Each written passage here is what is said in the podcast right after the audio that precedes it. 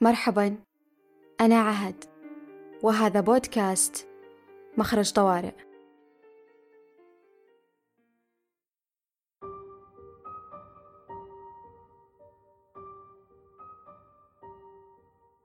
أعزائي المستمعين والمستمعات راح ألعب معاكم لعبة.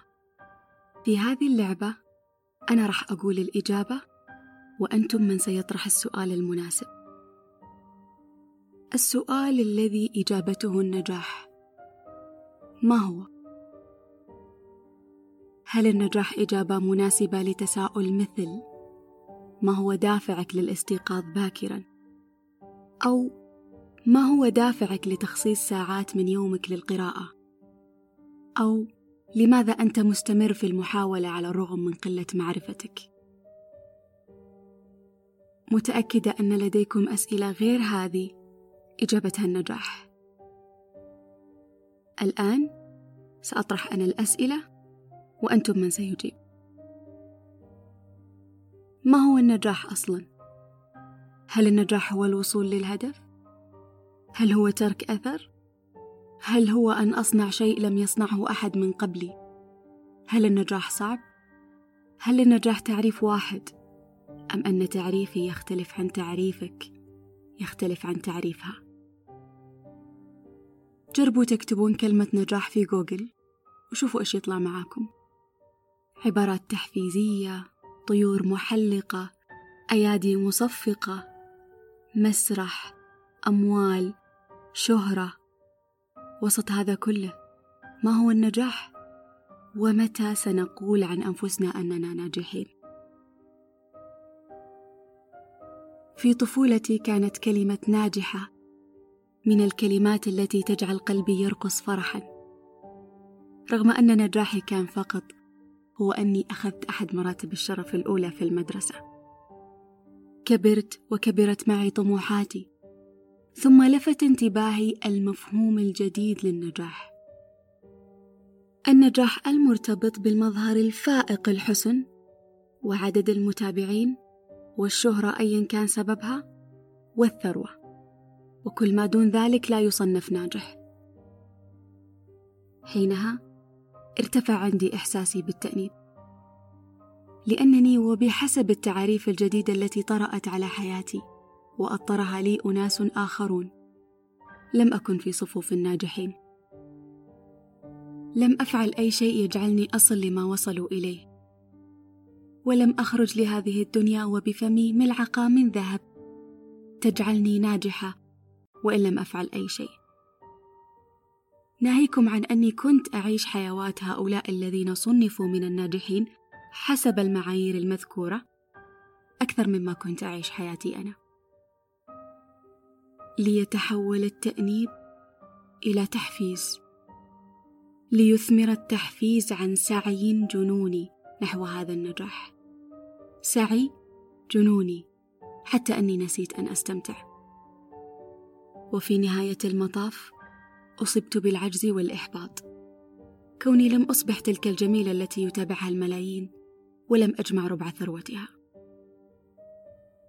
حينها طرحت على نفسي الأسئلة التي سمعتوها في البداية وأدركت أني اخترت طريقا لا يناسبني.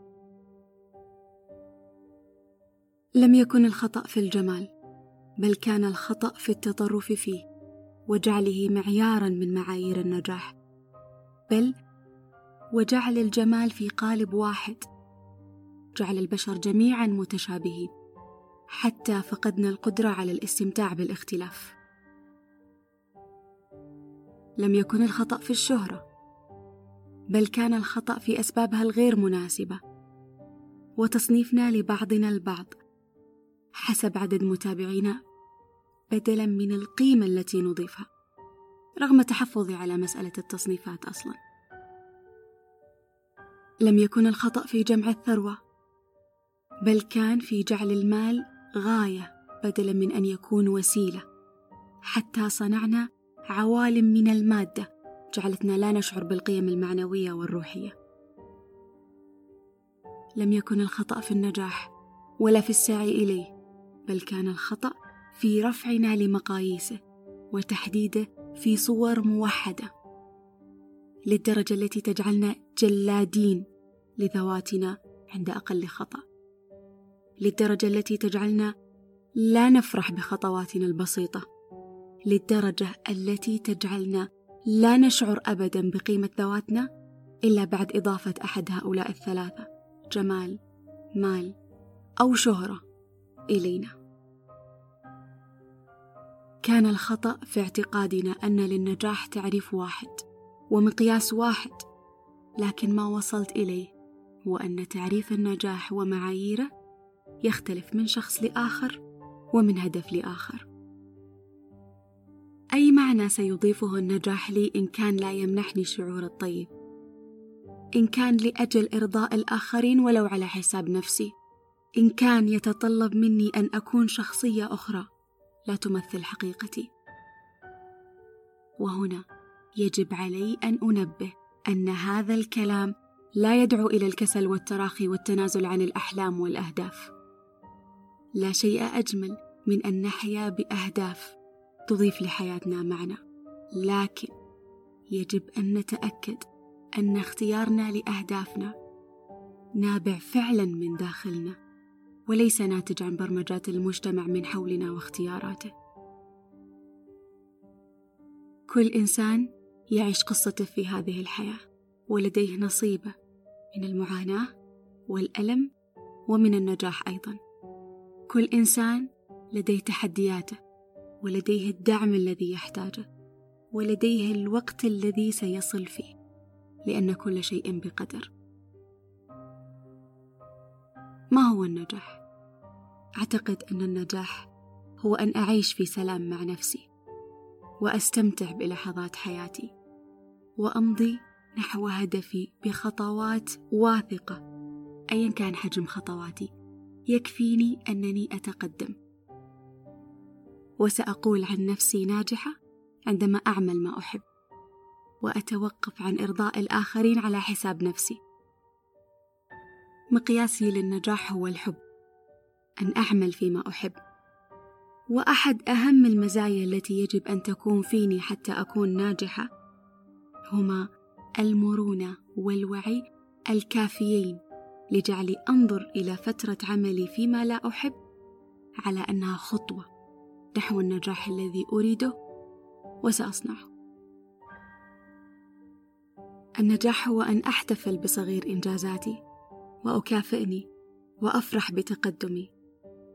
نحن البشر تعودنا أن نعيش الحزن بكل تفاصيله وأن نمر على الفرح مرور الكرام. عزيزي المستمع عزيزتي المستمعة في طريقكم نحو النجاح تأكدوا من أن تكونوا قد حددتوا معنى النجاح أصلا. ومتى ستقولون عن أنفسكم أنكم ناجحين؟ النجاح قد يكون هدف لكنه في الغالب رحلة. لنستمتع برحلتنا ايا كانت تعريفاتنا ومقاييسنا. ولنرمي عصا الجلاد من أيدينا. ونمطط لحظات الفرح. ونكبر صغير خطواتنا. ونبارك للناجحين من حولنا. والأهم الا نقارن الفصل الأول من حياتنا بالفصل العشرين من حياة شخص آخر. في حفظ الله.